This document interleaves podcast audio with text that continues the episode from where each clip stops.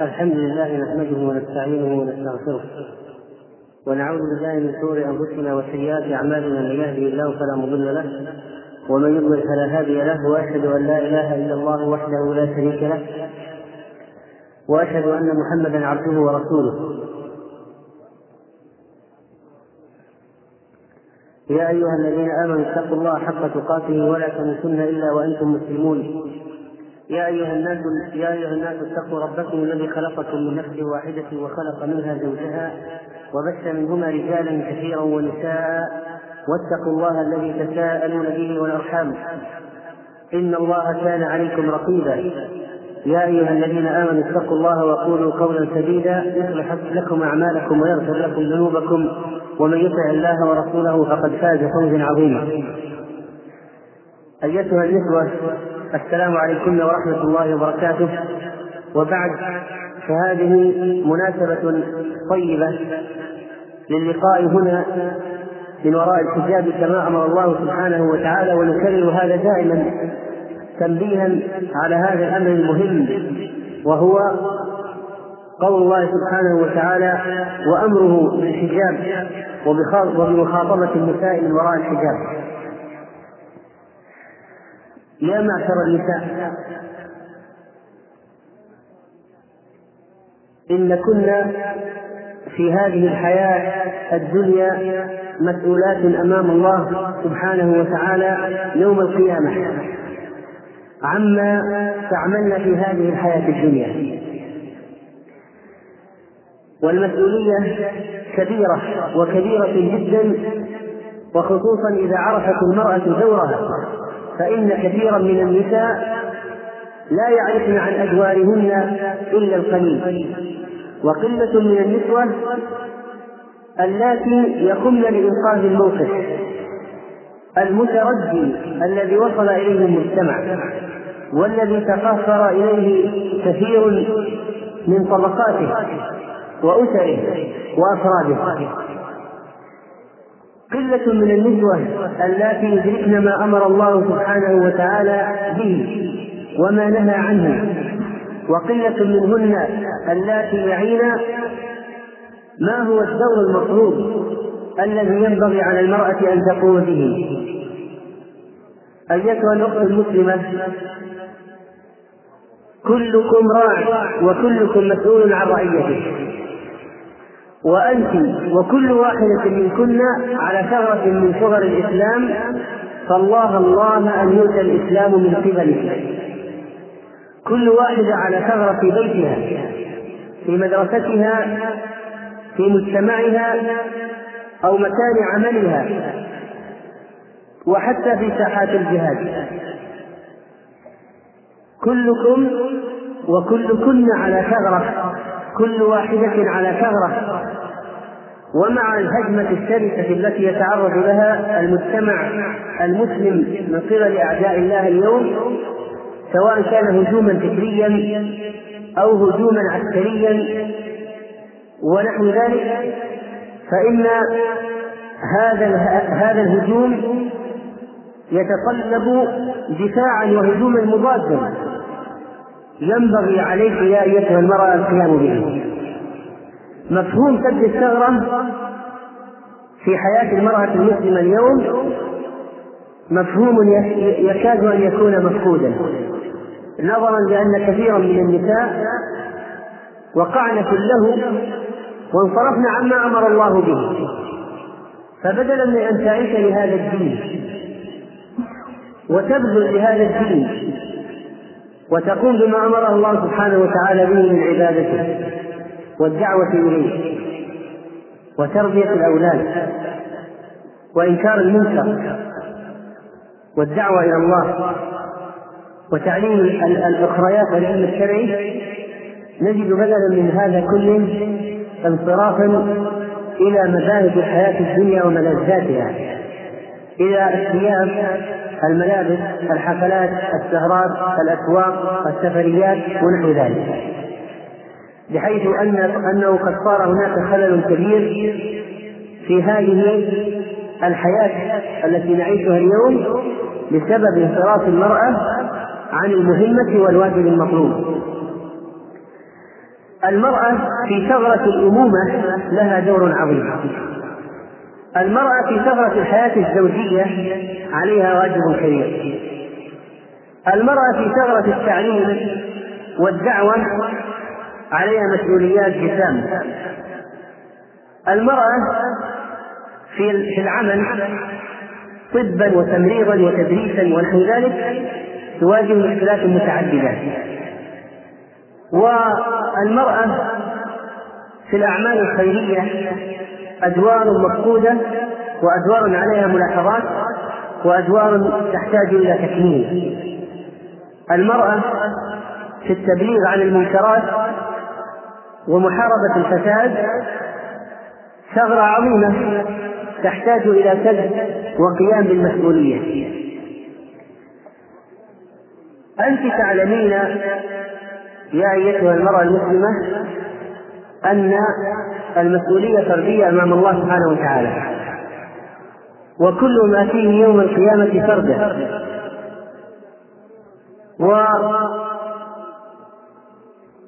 وأقول لك إن المرأة التي تلقي للمسؤولية على الأخريات وتكون يوجد هناك من الداعيات من يقوم بالمسؤولية فتريد أن تنصرف هي لملذات الحياة الدنيا.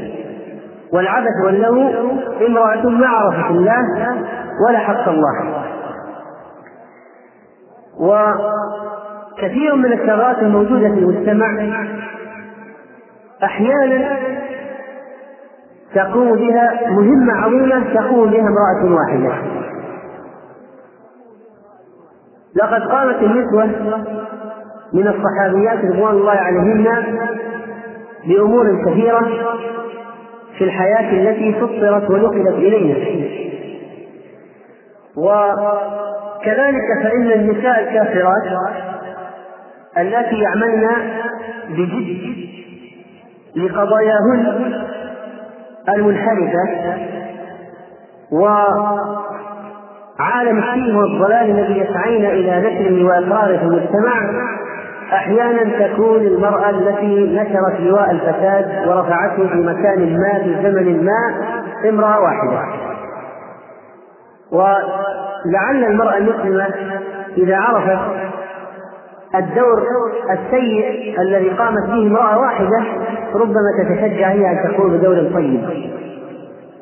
أنت تعلمين أن النبي صلى الله عليه وسلم مات مسموما مقتولا. النبي عليه الصلاة والسلام لم تكن لم تكن موتته موتة طبيعية وإنما كانت موتة موتة بالسم. أثر السم بقي في جسده عليه الصلاة والسلام حتى. ويعاوده فترة كل فترة حتى كانت النهاية وقضاء الله محتوم وأجله اللازم المكتوب إن الذي تسبب في موت النبي عليه الصلاة والسلام ليس جيشا عرمرا ولم يكن رجلا أو رجالا لكن المتسبب في موته صلى الله عليه وسلم هي امرأة. الذي قتل النبي عليه الصلاة والسلام بالسم امرأة من اليهود. جاء النبي عليه الصلاة والسلام إليهم دعوه إلى طعام فسألت امرأة من اليهود ماذا يحب النبي صلى الله عليه وسلم من الشاة ومن اللحم؟ فلما علمت أنه يحب الكتف أكثرت من السم في الكتف. فحضر النبي صلى الله عليه وسلم وأكل من الطعام وأكل معه عدد من الصحابة ثم أخبره الكتف أخبرته الشاة المطبوخة بالسم الموجود. فكف عليه الصلاة والسلام عن الطعام ولم يفعل شيئا للمرأة ولكن بعد أن قتل أو مات أحد الصحابة بالسم اقتص منها فقتلت وصار هذا السم الذي أكله صلى الله عليه وسلم يعاوده بين فترة وأخرى نوبات من الحمى حتى كانت النوبة التي مات فيها صلى الله عليه وسلم. وقال لعائشة لا زالت أكلة خيبر تعاودني وقال يا عائشة ما أزال أجد ألم الطعام الذي أكلت في خيبر. وقال أيضا فهذا أوان انقطاع أبهري وهو أبهري وهو علق في القلب أو بين القلب والظهر إذا انقطع مات الإنسان. ويقوم اليوم كما قام في مطلع هذا القرن عدد من النسوة المعدودات المشهورات بأدوار عموما من الفساد. كما فعلت هدى شعراوي وكما تفعل عابد حكيم وغيرهن من النسوة في قضية تحرير المرأة ونشر الفساد وتتابع على ذلك أهل الفساد نساء ورجالا. وهدى شعراوي التي قادت المظاهرة التي انتهت بإلقاء الحجاب على الأرض وإشعال النار فيه. والزعم بأنه قد آن الأوان لتحرير المرأة العربية. فامرأة واحدة تدمر جيلا. وهكذا قمنا هؤلاء النسوة السيئات بأدوار من الفساد معلومة.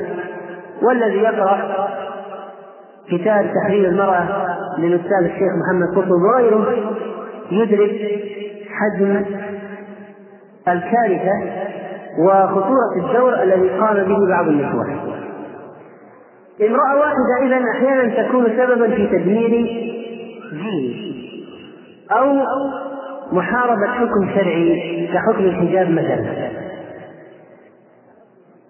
فماذا تفعلين أنت أيتها المرأة الواحدة؟ من أجل نشر الإسلام والعقيدة.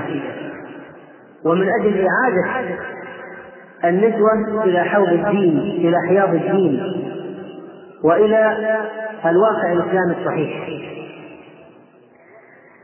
إن الطريقة التي تؤدي إلى تحقيق المطلوب منك هي الاستشعار استشعارك بالثغرة التي ينبغي أن تكوني عليها.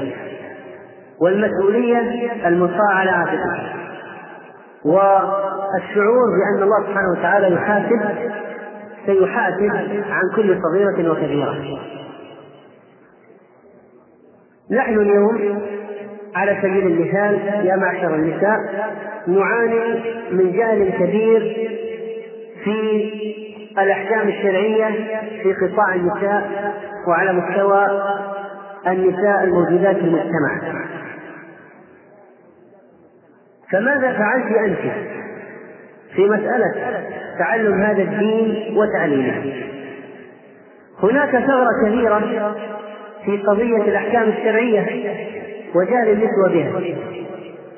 ودائما إذا طرقنا مثل هذه المواضيع نحب أن نعود إلى الماضي لنتلمس ماذا كان يحصل في عالم الصحابيات الأول من هذه الأمة.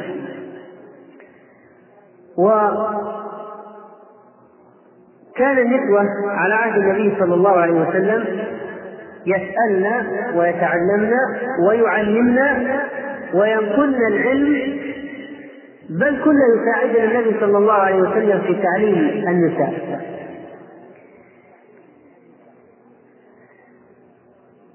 عن إسحاق بن عبد الله بن أبي طلحة الأنصاري عن جدته ام عن جدته أم سليم قالت كانت مجاوره أم سلمة زوج النبي صلى الله عليه وسلم فكانت تدخل عليها فدخل النبي صلى الله عليه وسلم فقالت أم سليم يا رسول الله أرأيت إذا رأت المرأة أن زوجها يجامعها في المنام أتغتسل؟ فقالت أم سلمة تربت يداك يا أم سليم فضحت النساء عند رسول الله صلى الله عليه وسلم. فقالت أم سليم إن الله لا يستحي من الحق. وإنا إن نسأل النبي صلى الله عليه وسلم عما أشكل علينا خير من أن نكون منه على عمياء. فقال النبي صلى الله عليه وسلم لأم سلمة بل أنت تربت يداك.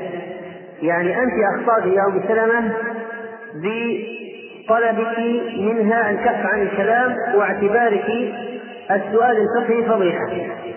بل أنت تربت يداك يقول يوم السلام. ثم قال نعم يا أم سليم عليها الغسل إذا وجدت الماء. فقالت أم سلمة يا رسول الله وهل للمرأة ماء؟ فقال النبي صلى الله عليه وسلم فأنى يشبهها ولدها هن شقائق الرجال. والحديث حسن بمجموع طرقه. وله ألفاظ متعددة.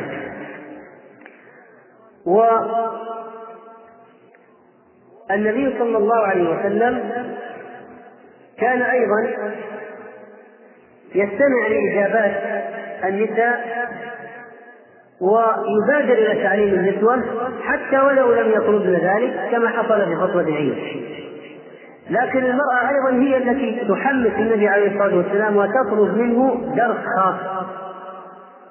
ويأتي وفد النسوة إلى النبي عليه الصلاة والسلام يقولن إن الرجال قد ذهبوا بك وأخذوا الوقت ونحن ما ما بقي لنا شيء. نريد أن تخصص لنا شيئا. ذهب الرجال بحديثك فاجعل لنا يوما. تأتينا فيه فواعدهن يوم معين في بيت فلانة موعدكن بيت فلانة فجاء النبي صلى الله عليه وسلم فعلمهم إذا النسوة هن اللاتي يطلبن العلم ويردن العلم. وكذلك فإنهن إذا سمعن شيئا استفصلن واستخسرن كما جاء في حديث كما جاء في حديث مسلم رحمه الله عن عبد الله بن عمر أن رسول الله صلى الله عليه وسلم أنه قال يا معشر النساء تصدقن وأكثرن الاستغفار. فإني رأيتكن أكثر أهل النار. فقالت امرأة منهن جزلة. يعني ذات عقل ورأي. وما لنا يا رسول الله أكثر أهل النار. من التي سألت امرأة جزلة؟ لم تكن سفيهة ولم تكن سليطة ولا متمردة لا بصياح ولا اعتراض على النبي عليه الصلاة والسلام وإنما سؤال متادب وما لنا يا رسول الله أكثر أهل النار؟ قال تكفرن اللعن وتكفرن العشير. وما رأيت للناقصات عقل ودين أغلب لذي لب يعني صاحب العقل من كله. قالت يا رسول الله وما نقصان العقل والدين؟ استفسرت المرأة مرة أخرى. قال أما نقصان العقل ما نقصان العقل والدين؟ هل هو الجنون والكفر؟ هل نحن هل يعني أننا مجنونات أو كافرات؟ قال أما نقصان العقل فشهادة امرأتين تعدل شهادة رجل. فهذا نقصان العقل وهذا شيء من خلقة الله المرأة. المرأة ليس لها ذنب فيه. هذا الله سبحانه وتعالى خلقها هكذا. فيها هذه العاطفة التي قد تغلب عقلها كثيرا. فلأجل ذلك جعلت شهادة امرأتين بشهادة رجل. فإذا أتت الشهادة كما أمر الله فليس عليها شيء أبدا. وتمكث الليالي ما تصلي وتفطر في رمضان فهذا نقصان الدين. وهذا خبر وليس بوعيد. ما توعدهن على أنهن ناقصات العقل الودين لا. هذا خبر يخبر عن عن شيء من أمر الله في خلقه في النساء. ولذلك فإنه صلى الله عليه وسلم بين لهن وبين المرأة أنها إذا صلت خمسها وصامت شهرها وحصنت فرجها وأطاعت زوجها قيل لها أدخلي أبواب الجنة. ادخلي الجنة من أي الأبواب شئت؟ فإذا عليها مسؤوليات معينة ينبغي القيام بها. المرأة أيضا كانت تساعد النبي صلى الله عليه وسلم في التعليم. وهذا واضح من قصة عائشة رضي الله عنها. لما جاءت امرأة تسأل النبي صلى الله عليه وسلم عن غسل من المحيط فأمرها كيف تغتسل؟ قال خذي فرصة ممسكة خذي فرصة من مسك وهي قطعة من الصوف أو القطن ممسكة يعني فيها مسك شيء من الطين. فتطهري بها. فتطهري بها. قالت كيف أتطهر؟ إذا هي كما قال النبي عليه الصلاة والسلام لما سألته أسماء عن غسل المحيض قال تأخذ إحداكن ماءها وسدرتها فتطهر فتحسن الطهور ثم تصب على رأسها فتدلكه دلكا شديدا حتى تبلغ شؤون رأسها ثم تصب عليها الماء ثم تأخذ فرصة ممسكة فتطهر بها. فقالت أسماء وكيف تطهر بها؟ فقال سبحان الله تطهرين بها. وفي رواية تطهري بها. قالت كيف أتطهر؟ قال تطهري بها. قالت كيف؟ قال سبحان الله تطهري. النبي صلى الله عليه وسلم لا يريد أن يقول أكثر من ذلك. هنا يأتي دور المرأة المرأة مع المرأة. الآن في الشرح الرجل ليس من المناسب أن يشرح هذا والنبي عليه الصلاة والسلام كان أشد حياء من العذراء في خدرها العذراء التي ليس لها عهد بالرجال عذراء إذا كانت في مخدعها فدخل عليها رجل أجنبي فجأة فماذا يكون حالها؟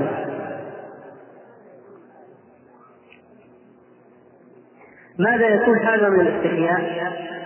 هكذا كان النبي صلى الله عليه وسلم أشد حياء من العذراء في خدرها لو دخل عليها أحد من الأجانب. فهنا تدخلت عائشة هذا التدخل الحكيم. قالت عائشة فاجتذبتها فقلت تتبعي بها أثر الدم. تتبعي بها أثر الدم. فأرشدتها عائشة إلى غسل مكان مكان خروج دم الحيض. تغتسل. وتطهر ذلك المكان بهذه الفرصة الممسكة أو المطيبة. وهذا الحديث يدل على استعمال الكنايات فيما يتعلق بالعورات والاكتفاء بالإشارة في الأمور المستهجنة ويدل كذلك على سؤال المرأة العالم عن أحوالها التي يحتشم منها وعدم ترك المسألة بغير سؤال. وتبقى المرأة على الجهل هذه مصيبة. وكذلك أن المرأة وهي هذه الرائحة الكريهة فإنها تتخلص منها حتى لا يتأذى الزوج. وكذلك فيه تعليم النساء فيه تعليم النساء بعضهن بعضا فيما يستحيا من ذكره بحضرة الرجال.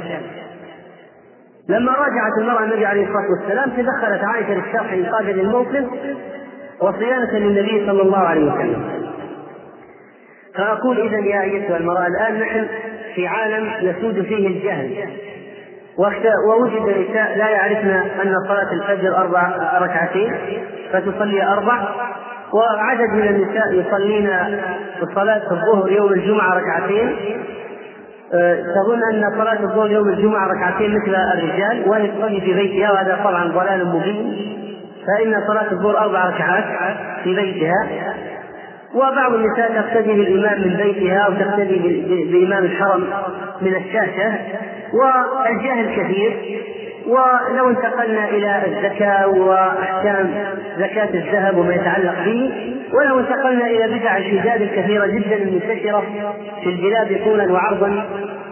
البلاد الإسلامية لوجدنا شيئا جهلا كثيرا يبدأ من إنكار قضية قضية الحجاب بالكلية وحتى اختلاط هذا الحكم بكثير من البدع التي ما أنزل الله بها من سلطان كمسألة تحريم النظر في المرآة ووجوب قلب السجاد وتحريم النظر من الشباك وتحريم النظر إلى القمر وتحريم التحرك في سطح البيت وفي ساحته وتحريم المشي بالحذاء وتحريم مصافحة المرأة المتزوجة وتحريم الهاتف ونحو ذلك من الأشياء التي ما أنزل الله بها من سلطان. على أي حال نقول هذه ثغرة وهذا بعض ما ينبغي. وننتقل الآن إلى ثغرة أخرى من الثغرات التي تسدها المرأة المسلمة وهي قضية التعليم والتدريس لا يصلح أن يشتغل الرجال بتعليم النساء على نطاق واسع ولا يتمكن الرجال من هذا وليست هناك طاقات كافية لفعل هذا أصلا. وحال الفتن الموجودة في المجتمع لا تسمح بالتوسع في تعليم الرجال النساء بل إن المصيبة الكبرى الكبيرة في بلدان المسلمين مسألة الاختلاط في التعليم في المدارس والجامعات وينشأ عن ذلك من العلاقات المحرمة والفتن ما لا يعلمه إلا الله. وهنا المرأة التي تشتغل في التعليم والتدريس على ثغرة. إذا وجدت في تلك الثغرة فإن عليها مسؤولية وهذه مسؤولية شائكة ومعقدة نظرا للمستوى المتدني في الدين والخلق الذي صارت عليه الفتيات والطالبات اليوم في المدارس.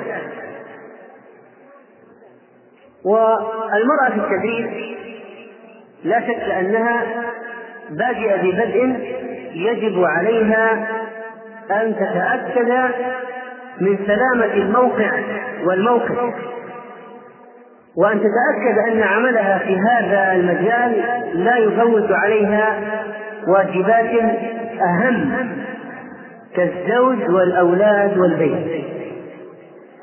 فإذا لم تكن بذات الزوج أو كان لا يتعارض عملها مع المصالح العظيمة التي أمرها بها الشارع في الاهتمام بالزوج والأولاد والبيت فعملت في قطاع التدريس مثلا. فإن عملها في قطاع التدريس هو محاولة للقيام بسد جزء من الثغرة الكبيرة الموجودة في عالم تدريس البنات. لأن تدريس البنات في هذا الزمان قد انتشر. وصار الإيمان عند الجميع بأن البنت يجب أن تدخل المدرسة وتتعلم وتدرس المواد المختلفة ولو كانت تشابه المواد التي يدرسها الرجل ولو كانت لا تحتاج إليها في حياتها كالمعادلات الرياضيات والفيزياء والكيمياء ونحو ذلك من الأشياء. والمرأة قد لا تستطيع أن تغير نظام التعليم. ولكنها ينبغي عليها أن تبادر إلى الكتابة والاقتراحات وتكثير المطالبة وتكثيف المطالبة بما يناسب البنات من المناهج الدراسية. وكتابة الملاحظات المخلصة على المناهج الموجودة. والمطالبة بالتعديل والنصح في الله سبحانه وتعالى من أجل الوصول إلى مستوى أفضل في قضية نوعية المناهج التي تقدم إلى إلى البنات والفتيات في المدارس. والمعلمة في المدرسة لا شك أنها على ثغرة من عدة جهات فمنها وجوب أن تكون قدوة وكثير من المعلمات في المدارس يلبسن الكعب العالي ويضعن العطورات ويجعدن الشعر ويلبسن ما يحسر عن القدمين وغطاء شفاف ومكياج ثم يأمرن الطالبات بالالتزام بالحجاب الشرعي وتعليمات إدارة تعليم البنات ونحو ذلك. ونتساءل ونقول من أين سينفذ الطالب ستنفذ الطالبات هذه التعليمات وكيف ستكون الطاعة والالتزام إذا كانت الآمرة الناهية لا تأتمر بأوامر الشريعة ولا تنتهي عما نهى الله عنه. ولا شك أن انحدار مستوى البنات في المدارس من نتائج من أسبابه عدم وجود القدوات من المعلمات الصالحات بالشكل الكافي في المدارس.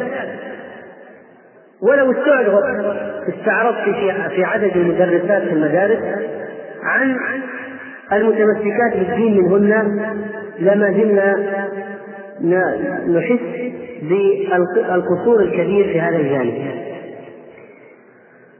وكذلك فإن عددا من هؤلاء المدرسات لا يتعدين المنهج من جهة تقديمه وأحيانا بغير إخلاص في التدريس ولكن المقصود أن تقديم المواد الجامدة من غير توجيه شرعي ومتابعة إسلامية هو قصور في وظيفة المعلمة في المدرسة. فإن كثيرا من البنات يحتاجن إلى رعاية وتوجيه أشد من الحاجة لشرح المادة ذاتها. والمعلمة يجب أن تعطي من وقتها ما تقدم به لدينها. أما أنها تأتي وتلقي الدرس وتأخذ راتب في آخر الشهر فلا أظن أن هذا إخلاص وقيام بواجب الدين في المدرسة. فتلاحظ أن فلانة من الطالبات تصرح بأنها لا تصلي. وإذا سئلت تقول لماذا أصلي وأنا الأولى دائما في الفصل؟ وعلى النقيض من ذلك قالت بنت مرة بعد خروج النتائج النهائية ومعرفة أنها رسبت لماذا أصلي وقد رسبت حتى في الصلاة. وبعض الطالبات ربما يصرحن بالشك في دين عقيدة المسلمين ويقولن ما يدرينا أن الإسلام هو الحق وقد يكون الحق مع اليهود أو النصارى فلا بد أن نعرف عقيدة أولئك القوم ونحو ذلك. وكثير من الأشياء التكليفية تأتي عبر قراءة المجلات المنحرفة الموجودة بين أيديهن مما يصل إليهن من خلال ما تقذفه المطابع المختلفة في أنحاء العالم شرقا وغربا من أنواع الفساد المسطر والمصور في هذه المجلات. والمنشورات. وهذا بالنسبة للفساد العقدي أو الفساد من جهة الأركان. وأما الفساد من جهة الخلق والعلاقات المحرمة مما يحدث في الهواتف والخروج مع الأجانب والحجاب أو الثياب التي يرتدينها فهذا شيء أو تعاطي المواد المحرمة فهذا أمر كثير جدا. ولذلك فإن المرأة المعلمة المسلمة تشعر فعلا بأن هناك مسؤولية كبيرة وأن مواجهة هذا الفساد لا يعين عليه إلا الله. والمنكرات الموجودة في أوساط الطالبات من الإعجاب بالممثلات والمغنيات بل عشق صور اللاعبين وتشجيع الفرق. ونحو ذلك لا شك أنه شيء سيء جدا يحتاج إلى مقاومة كبيرة تغرسها هذه المعلمة في نفوس الطالبات وإقرار مبدأ تقرير مبدأ الولاء والبراء في نفوس الطالبات فتكره الطالبة كل كافر وكافرة وتحب كل مسلم ومسلمة وتشعر بالولاء لدين الله ولمن سار على هذا النهج وتشعر بالعزاء والكره والبغضاء لكل من يعادي هذا الدين ولو كان جميل الصوت أو جميل الخلقة ونحو ذلك.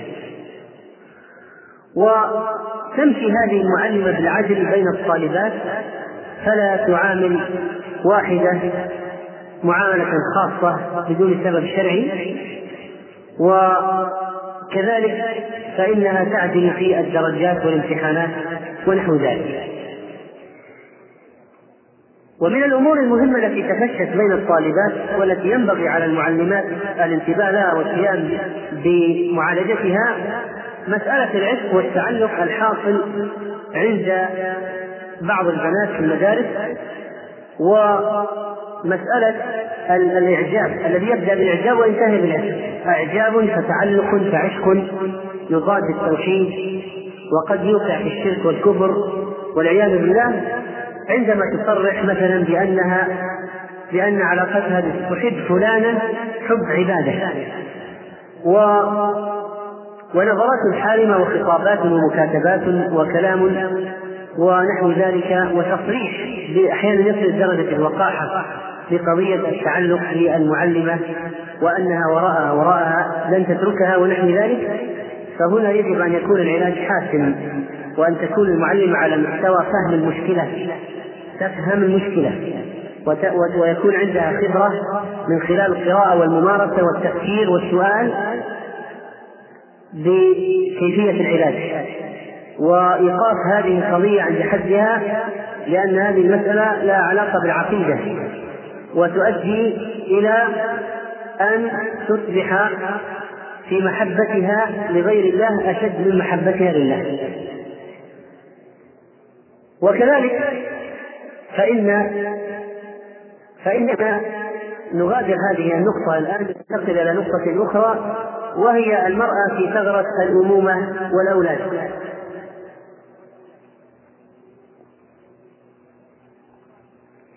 لا شك أن الله سبحانه وتعالى قد جعل المرأة قد جعل المرأة سكن للزوج وقص الله سبحانه وتعالى علينا أن من نعمه أنه خلق لنا من أنفسنا أزواجا لنسكن إليه إليهن وجعل بيننا وبينهن مودة ورحمة.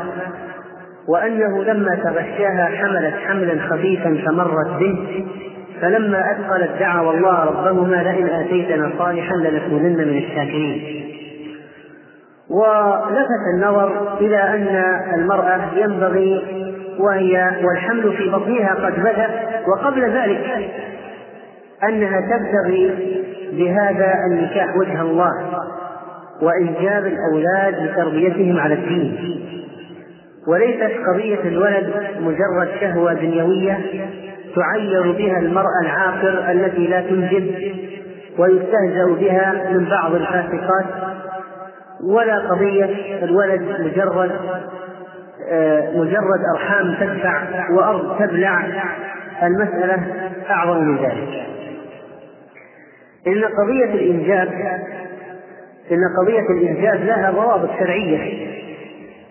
فإن النبي صلى الله عليه وسلم قد حث على التكاثر فلا ينبغي معاكسة رغبته صلى الله عليه وسلم للتكاثر في هذه الأمة عبر استخدام هذه الوسائل التي التي من حبوب منع الحمل ونحوه التي تمنع الإنجاب مؤقتا أو استخدام الوسائل التي تمنع الإنجاب بالكلية مثل ربط المبايض وبعض العمليات التي تجرى لإيقاف الولادة وإيقاف الحمل بالكلية. وهذا يكون من عدم تقدير النعمة. وإعطائها حقها لما أنعم الله بها. وشكر النعمة. ولذلك فإن العلماء قالوا مثلا في موضوع الموانع أن المرأة لا تتعاطى أكثر من لا تتعاطى مانعا يمنع الحمل بالكلية دائم. هذا حرام. وإذا تعاطت مانعا فإن تتعاطاه لا تتعاطى أكثر من سنتين من أجل تحصيل مصلحة الولد الأول وإرضاعه. وأن تكون أن لا يكون ضارا بها وأن تكون الموافقة من الزوجين على ذلك. فالمسألة من, من أول الإنجاب فيها أحكام شرعية. من بداية الحمل قضية الحمل وعدم الحمل فيها أحكام شرعية. ثم إنه إذا صار في بطنها فإنها تسأل الله سبحانه وتعالى أن يجعله من الصالحين. والصالحين سواء كان صالحا في بدنه أو صالحا في دينه فكلاهما مراد. فهي تسأله أن يكون تام الخلقة تام الجسد ليس فيه عاهة ولا تشويه ولا عيب. وكذلك فإنه يكون تسأل ربها أن يجعله صالحا في دينه. فإذا وضعته بعد العناء فإنها تحتسب الأجر والله يعلم كم من السيئات تكفر بسبب الألم الذي تجده الحامل عند وضع الحمل. وهذا أمر لا من النساء ولذلك فإنهن يعمدن إلى التقليل من الأولاد ويريدن أن لا يشعرن بالألم. أليم. لا يحصل لهن مشقة وهذا غير ممكن. فأقول أيتها النسوة إن المجيء بالولد والإتيان به لا شك أنه أنه يترتب عليه مسؤولية كبيرة. وغرس مبادئ العقيدة في الطفل أمر مهم في غاية الأهمية. وكلما تدرج الولد وكلما تدرج الولد ينبغي أن تقوم بحقه في التعليم خصوصا في غمرة انشغال بعض الآباء وإهمال بعض الآباء فإنه لا يبقى من صمامات الأمان إلا المرأة التي تراقب الولد وتربي الولد. وكثير من الانحرافات التي حصلت عند الأولاد بسبب إهمال المرأة لهذه التربية. ثم بعد ذلك نحصد ونجني الثمار المرة المتمثلة في كثير من الانحرافات. نقول إن المرأة ينبغي عليها أن تعلم ماذا تعلم الولد وماذا يناسب عقله وأن تتحلى بالصبر وعدم العجلة وكذلك أن تغرس في نفس هذا الطفل الأمور الكثيرة المتعلقة بمحبة بمحبة الله ورسوله ودينه. وهذه الأمور ينبغي أن تركز عليها المرأة أن تركز عليها المرأة في تعليمها لولدها وتذكيره بالله أو تعليمه الأذكار أو تحفيظه القرآن أو تشجيعه على الصيام أو تهيئه للنوم المبكر حتى لا يسهر ويستطيع أن يقوم لصلاة الفجر وأن يعود على الأذكار الشرعية كأذكار كآداب النوم وأذكاره والطعام وأذكاره وآداب الخلاء وأذكاره وآداب العصاة وأذكاره وآداب السلام ونحو ذلك من الأمور. وتقديم سيرة النبي صلى الله عليه وسلم في طريقة القصص المبسطة الجذابة من مسؤولية الأم التي تغرس ينبغي عليها أن تغرسه في نفس طفلها وأن تعلمه سرعة الاستجابة للنبي صلى الله عليه وسلم. كيف استجاب له علي وهو صبي؟ وكذلك فإن قصص التضحية في سبيل نصرة النبي عليه الصلاة والسلام والدفاع عنه. قصي عليه قصة ابني عفراء وأخبريه بأحداث مالك وأحداث أنس بن مالك الذي كان يخدمه وهو صبي صغير صلى الله عليه وسلم. وأخبره ببعض مغازيه عليه الصلاة والسلام وجهاده. وكيف لو أنه صلى الله عليه وسلم كان حيا؟ وكان هناك معركة أو شخص يهجم عليه صلى الله عليه وسلم وكان هناك إنسان مسلم موجود بجانبه. لوجب أن يتلقى القتل دونه لأن حمايته صلى الله عليه وسلم وتقديم تقديمه على النفس واجب واجب. لو انطلق سهم باتجاه النبي عليه الصلاة والسلام وهناك مسلم بجانبه لوجب عليه أن يتلقى السهم ويقوم يقول نحرج ولا يا رسول الله. يعني تفديته بالنفس واجب. هذه امور ينبغي أن تغرس في الأطفال مع مسألة تحفيظهم بعض أحاديث النبي صلى الله عليه وسلم المناسبة لهم. أخي الكريم تابع الاستماع على الوجه الثاني